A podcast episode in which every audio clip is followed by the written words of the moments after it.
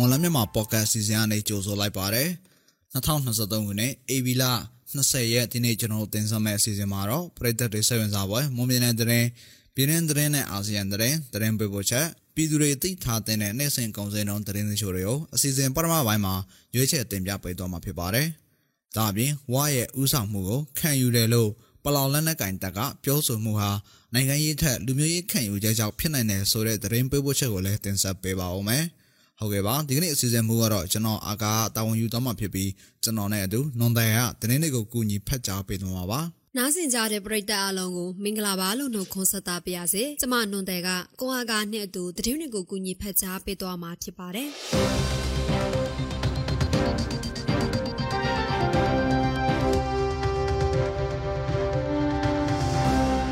ဦးဆုံးတရင်တစ်ပုတ်အနေနဲ့ပြီးခဲ့တဲ့2022ခုနှစ်စက်တင်ဘာလမှ 2023ခုနှစ်ဧပြီလအထိရှစ်လတာကာလအတွင်းမွန်ပြည်နယ်မှာခွေးယူကိုက်ခံရသူပေါင်း104ဦးရှိခဲ့ပြီး3ဦးသေဆုံးခဲ့တယ်လို့မွန်ပြည်နယ်ပြည်သူ့ကျန်းမာရေးနဲ့ကုသရေးဦးစီးဌာနထံကနေသိရပါဗျ။မွန်ပြည်နယ်အတွင်းမြို့နယ်အလိုက်ခွေးယူကိုက်ခံရတဲ့အရေးအတွက်မှာပေါင်းမြို့နယ်မှာ45ဦး၊ချောင်းစုံမြို့နယ်မှာ9ဦး၊မော်လမြိုင်မြို့နယ်မှာ73ဦးမူတော်မြို့နယ်22ဦးဘီလင်းမြို့နယ်2ဦးနဲ့ကြိုက်မြောင်မြို့နယ်မှာ17ဦး တထုံမြို့နယ်မှာတအူးရင်းမြို့နယ်မှာတအူးစုစုပေါင်း104ဦးရှိခဲ့ပြီးဘီလင်းမြို့နယ်မှာတအူးတထုံမြို့နယ်မှာတအူးနဲ့ရင်းမြို့နယ်မှာတအူးစုစုပေါင်း3ဦးဟာခွေယူပြန်ယောဂတန်တရားနဲ့တည်ဆုံခဲ့တယ်လို့သိရပါဗျ။ ခွေးယူပြန်ယောဂတကယ်လို့ဖြစ်ပွားခဲ့မယ်ဆိုရင်ကုသရန်စိတ်မရှိကြောင်းနဲ့ခွေးယူပြန်ယောဂဟာအုတ်နှောင်းတဲ့အာယုံကြောတွေကိုထိခိုက်သွားတဲ့အတွက်မလွဲမသွေသေဆုံးကြရမှာဖြစ်ကြောင်းပြည်내ပြည်သူ့ကျန်းမာရေးနဲ့ကုသရေးဦးစီးဌာနမှဒေါက်တာနန္ဒဝင်းကမနေ့ကပြုလုပ်ခဲ့တဲ့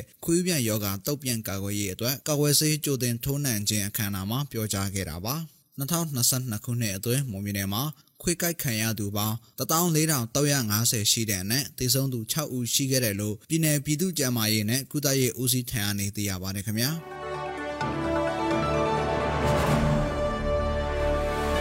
တနင်္သာရီတိုင်းလောင်လုံးမြို့နယ်ညင်းမော်ကျေးရွာအနီးမှာတနေ့ညကတပြူဝိုင်းစစ်ကြောဆေးပြားရောင်းဝယ်တုံးဆွဲနေတဲ့အဖွဲ့တစ်ဖွဲ့နဲ့အပြန်အလှန်ပစ်ခတ်မှုဖြစ်ပွားခဲ့တယ်လို့လောင်လုံးမြို့နယ်ပြည်သူ့ကာကွယ်ရေးတပ်ဖွဲ့ကသတင်းထုတ်ပြန်ထားပါတယ်။ ပြည်သူ့ကာကွယ်ရေးတပ်ဖွဲ့ဝင်တွေကင်းလှည့်နေစဉ်လက်နက်ကင်ဆောင်ထားတဲ့အဲ့ဒီအဖွဲ့ဝင်9ဦးခန့်ကိုဥယျာဉ်ခြံတဲကနေအိမ်တစ်ခုမှာတွေ့ခဲ့တာဖြစ်ပြီးပြည်သူ့ကာကွယ်ရေးတပ်ဘက်ကလက်နက်ချဖို့ပြောဆိုခဲ့ပေမဲ့လက်မခံဘဲစတင်ပစ်ခတ်ခဲ့တာလို့ဆိုပါတယ်ပြည်သူ့ကာကွယ်ရေးတပ်ဖွဲ့ဝင်တွေပြန်လည်ပစ်ခတ်ချိန်မှာတော့အဲ့ဒီအဖွဲ့ကထွက်ပြေးသွားလို့အနေအိမ်ကိုဝင်ရောက်ရှာဖွေရာကြည်အစ်စ်ထည့်ထားတဲ့လက်လုံပေါ်ကတနက်တလက်သူမီတနက်နှစ်လက် gas တနက်တလက် တပြူဝိုင်စိတ်ကြော့ဆေးပြ400ကျော်ဆိုင်ကယ်တစ်စီးနဲ့အခြားအသုံးဆောင်ပစ္စည်းတချို့ကိုတင်ဆက်ရမိခဲ့တယ်လို့ဆိုပါတယ်။ဖြစ်ခတ်မှုဖြစ်ပွားခဲ့တဲ့ဥယျာဉ်ချမ်းနဲ့သုံးချံကျော်လောက်မှာ AB 19ရက်နေ့ညနေပိုင်းမှာတော့ပေါင်မာတနတ်တရာနဲ့တေဆုံးနေတဲ့အသက်26နှစ်အရွယ်အမျိုးသားတဦးရဲ့အလောင်းကိုတွေ့ခဲ့ရပြီးလောက်လုံးမြို့နယ်ပြည်သူ့ကာကွယ်ရေးတပ်ဘက်ကတော့အဲ့ဒီအမျိုးသားဟာအပြန်အလှန်ပစ်ခတ်မှုအတွင်းတေဆုံးခဲ့တာဟုတ်မဟုတ်ကိုတော့အတိမပြုနိုင်သေးပါဘူးရှင်။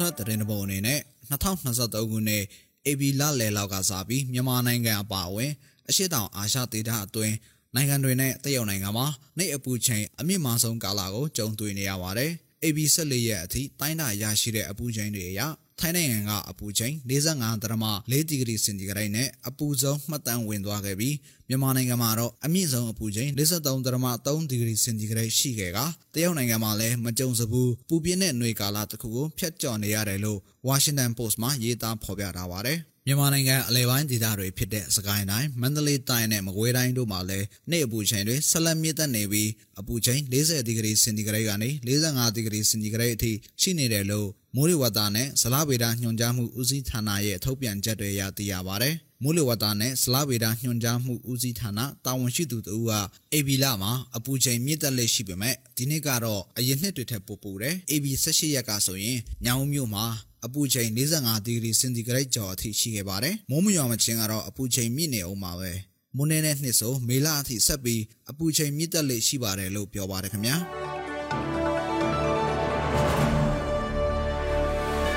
နောက်ထပ်သတင်းသဘောအနေနဲ့ ကရင်အမျိုးသားအစည်းအရုံး KNU လက်အောက်ခံ KNLA တမဟာ9နယ်မြေမူတော်ခရိုင်ဖပွန်ဒေသမှာစစ်ကောင်စီတပ်သား9ဦးလက်နက်ခဲယမ်းတွေနဲ့အခုလအတွင်းအလင်းဝင်လာတယ်လို့ KNLA တမဟာ9သတင်းနဲ့ပြန်ကြားရေးကဒီကနေ့ထုတ်ပြန်လိုက်ပါတယ်။ ကရင်ပြည်နယ်ဖပုံမြို့အခြေဆိုင်စစ်ကောင်စီလက်အောက်ခံခမရ341တရင်ကအသက်22နှစ်ကနေ30အထိအရွယ်တွေပါဝင်တဲ့တပ်သားအစစ်ရှိသူ၄ဦးဟာအခု10ရက်နေ့ကလက်နက်ခဲယမ်းတွေနဲ့အလင်းဝင်ခဲ့တယ်လို့ဆိုပါတယ်။အဲ့ဒီတပ်သား၄ဦးဟာစစ်ကောင်စီရဲ့ရှေ့တန်းတပ်စခန်းတစ်ခုဖြစ်တဲ့လက်တိုးစခန်းမှာတာဝန်ကျနေချိန်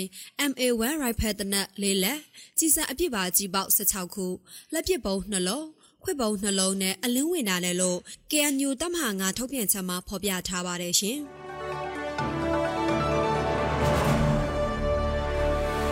နောက်ဆုံးသတင်းတစ်ပုဒ်အနေနဲ့ထိုင်းနိုင်ငံရောက်မြန်မာတွေအနေနဲ့နိုင်ငံကူးလက်မှတ်တက်တန်တိုးမယ်ဆိုရင်မြန်မာပြည်ရက်ကွက်ရဲစခန်းထောက်ခံစာလိုတယ်ဆိုပြီးချင်းမိုင်မှာရှိတဲ့မြန်မာကောင်စစ်ဝန်ရုံးက AB 18ရက်ရက်စွဲနဲ့ကြီးညာထားပါတယ်။ဒါအပြင်နိုင်ငံကူးလက်မှတ်တက်တန်တိုးမယ်ဆိုရင်ပြည်내ဝင်အရာရှိတဦးရဲ့ထောက်ခံချက်ကိုလည်းတင်ပြရမယ်လို့ဆိုပါတယ်။ ဒါဟာကဘာပေါ်ကပဲတန်ယုံမှမတောင်းတဲ့တောင်းခံချက်တွေလို့ထိုင်းရောက်မြန်မာတွေကပြောပါတယ်။တောင်းဆိုချက်တွေကဒီလောက်နဲ့တည်းမပြီးသေးပဲထိုင်းရောက်မြန်မာတွေအနေနဲ့ထိုင်းနိုင်ငံရောက်ချိန်မှာဘာတွေလုပ်လဲဆိုတဲ့အသေးစိတ်တွေကိုပါတင်ပြရမယ်လို့လဲချင်းမိုင်မြန်မာကောင်စစ်ဝန်ရုံးကကြေညာထားပါတယ်ခင်ဗျာ။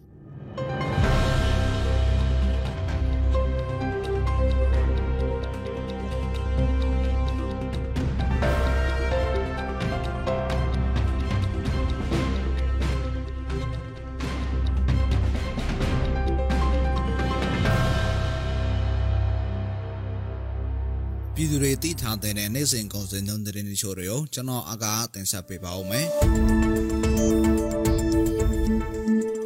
ဒီနေ့ထိုင်းနဲ့မြန်မာငွေလဲနှုန်းကတော့ထိုင်းဘတ်83ဝယ်ဈေးရှိပြီးရောင်းဈေးက84ရှိပါတယ်။ဒေါ်လာဈေးကတော့အမေရိကန်ဒေါ်လာကိုဝယ်ဈေးမြန်မာငွေ2840ရှိပြီးရောင်းဈေးကတော့2850ရှိပါတယ်။ရွှေစင်းနှုန်းကမီလင်16ပဲရေတစ်ကြက်သားကိုအပြင်ပေါက်စေ29တန်ထက်မှရှိနေပါတယ်။ 73စီတွေကတော့ဒီဇယ်1လီတာကို2165ကျပ်အောက်သိန်း62တလီတာကို2185နဲ့65တလီတာကို2285အထိရှိနေတာပါစံစင်းနှုန်းကတော့အကောင်စားပေါ်စံမွေ108ပေါင်အမြင့်ဆုံးကို9400ကျပ်နဲ့အလဲလက်တန်ဆန်မျိုးစားပေါ်ကျွဲ108ပေါင်အနည်းဆုံးကို6500နဲ့အိမ်မထဆန်တွေကတော့108ပေါင်အနည်းဆုံးကို9000နဲ့အမြင့်ဆုံးကို9000ထိရှိနေတာပါ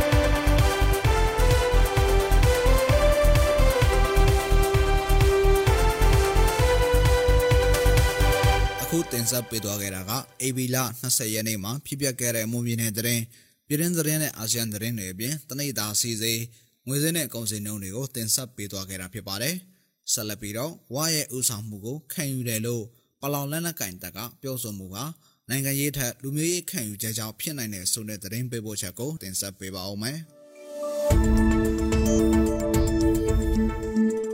နိုင်ငံရေးထက်လူမျိုးရေးခံယူချက်ကြောင့်ဝါကောင်းဆောင်တွေရဲ့ နိုင်ငံရေးစစ်ရေးဦးဆောင်မှုကိုပလောင်ပြည်လူမျိုးရေးတပ်ဦး PSLF TNA အနေနဲ့ခင်ယူခြင်းဖြစ်နိုင်တယ်လို့ရခိုင်နိုင်ငံရေးသမားဦးဖေတန်ကပြောပါတယ်။ပြီးရတဲ့ AB 19ရက်နေ့ကဝါပြည်သွေးစွညီညွတ်ရေးပါတီ UWSA ရဲ့ငြိမ်းချမ်းရေးတည်ဆောက်မှု34နှစ်ပြည့်ကို TNA မှပေးပို့တဲ့တမလောမှာဝါခေါင်းဆောင်တို့ရဲ့နိုင်ငံရေးစစ်ရေးဦးဆောင်မှုကိုခံယူတဲ့အကြောင်းဖော်ပြထားတာပါ။အခုကမောခမအနွယ်ဝင်နေမှုလို့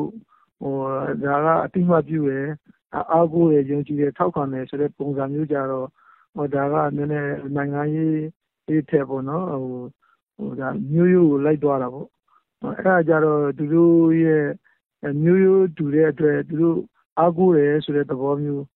အဲဒီလို သဘောမျိုး သက်ရောက်သွားတယ်လို့ ကျနော်မြင်တယ်။ဒါပေမဲ့ အဲဒီဟာ မဟုတ်လားဆိုလည်း အဲဒါလည်း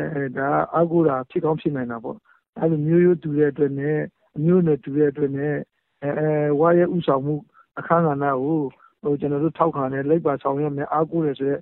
အပိုင်းကတော့တပိုင်းပေါ့။ဒါကနိုင်ငံရေးထက်ပေါ့နော်မျိုးနွယ်တူရာတူရာဆိုတဲ့ပုံစံမျိုးဖြစ်သွားတယ်။ဒါကြောင့်ကျနော့်အနေနဲ့ဒီကိစ္စကိုနိုင်ငံရေးအားဖြင့်တော့မဝေဖန်မသုံးသပ်ချင်ဘူး။ဒါသူတို့ရဲ့ခံယူချက်နဲ့ပဲဆိုင်တယ်လို့ကျနော်မြင်ပါတယ်။”မြန်မာစစ်တပ်နဲ့နီးစပ်တဲ့ UWSA ရဲ့ဦးဆောင်မှုကိုခံယူပေမဲ့လည်း TNAA နဲ့ဒေတာကာကွယ်ရေးတပ် PDF တို့ရဲ့ပါဝင်ပတ်သက်မှုအပေါ်ဖိအားပေးလာမယ်လို့မထင်ကြောင်းဥဖေတန်အားဆိုပါတယ်။မွန်ခဝအနွယ်ဝင်ဝတအောင်တို့ရဲ့ကိုပိုင်ပြရန်ခွင့်ရရှိရေးနဲ့အမျိုးသားနိုင်ငံရေးဦးတည်ချက်ကိုရောက်ရှိအောင်မြင်စေဖို့အတွက် TNAA အနေနဲ့ဝခေါင်းဆောင်တို့ရဲ့နိုင်ငံရေးစစ်ရေးဦးဆောင်မှုကိုလေးနက်တည်ကြည်စွာခံယူပြီးတွေးချင်းညီကိုလူမျိုးများအနေဖြင့်အမြဲလက်တော်ဆောင်ရွက်သွားမယ်လို့ကတိပြုကြောင်း TNA ရဲ့ပေးပို့တဲ့သမတော်မှာဖော်ပြထားပါတယ်။ နိုင်ငံရေးအဆင့်အတန်းတစ်ခုကိုရရှိထားတဲ့ UWSA နဲ့ပူးပေါင်းဆောင်ရွက်ပြီးညီညွတ်ရေးတည်ဆောက်တဲ့သဘောလို့ယူဆကြောင်းတိုင်းသားလက်နက်ကိုင်ခေါင်းဆောင်တူဖြစ်သူဘုံမှုကြီးခွန်အောက်ကပြောပါတယ်။အော်အဲ့ဒါတော့ကျွန်တော်ထင်တယ်လေနံပါတ်1ကမျိုးနယ်စုဟိုစုတဲ့သဘောနံပါတ်2ကတော့ဒီနေနေနေချင်းဆက်ဆက်နေတဲ့ပုံမှာလည်းဒီနေနေနေတွေဆက်ဆက်ပြီးတော့လောက်ကင်နေတဲ့သဘောဘာကြောင့်လဲဆိုတော့ဘာဝ UWSP UWSA ကသူ့နေနေမှာဒီ တုံတရားတိုင်းထားပြီးတော့ကိုပိုင်အုပ်ချုပ်ခွင့် အပြေအဝရနေတဲ့ သဘောရှိတယ်ဗျ ရှိနေတော့ အဲ့ဒီအဆင့်တန်းကိုဒီ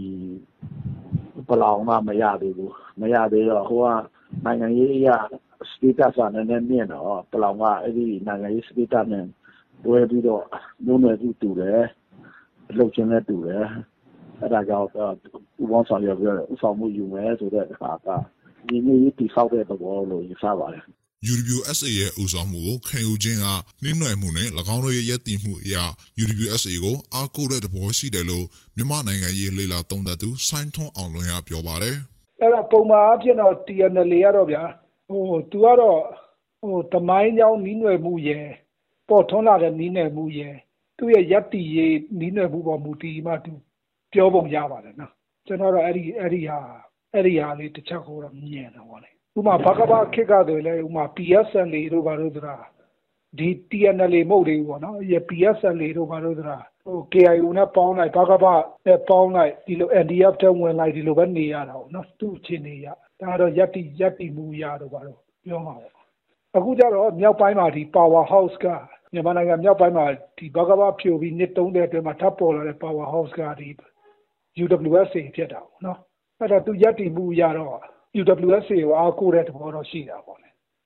ပလောင်ပြည်လူမျိုးရေးတပ်ဦး PSLF TNA ဟာမြောက်ပိုင်းလက်နက်ကိုင်တွေနဲ့ဖွဲ့စည်းထားတဲ့ပြည်ထောင်စုနိုင်ငံရေးဆွေးနွေးညှိနှိုင်းရေးကော်မတီ FPNCC ရဲ့အဖွဲ့ဝင်ဖြစ်ပြီးအစိုးရနဲ့အစိုးရနဲ့ပနာမအပြည့်အခက်ရက်စက်ရေးသဘောတူစာချုပ် bilateral ထိုးနိုင်ရေးဆွေးနွေးညှိနှိုင်းမှုတွေရှိနေတဲ့အဖွဲ့ဖြစ်ပါတယ်ခင်ဗျာ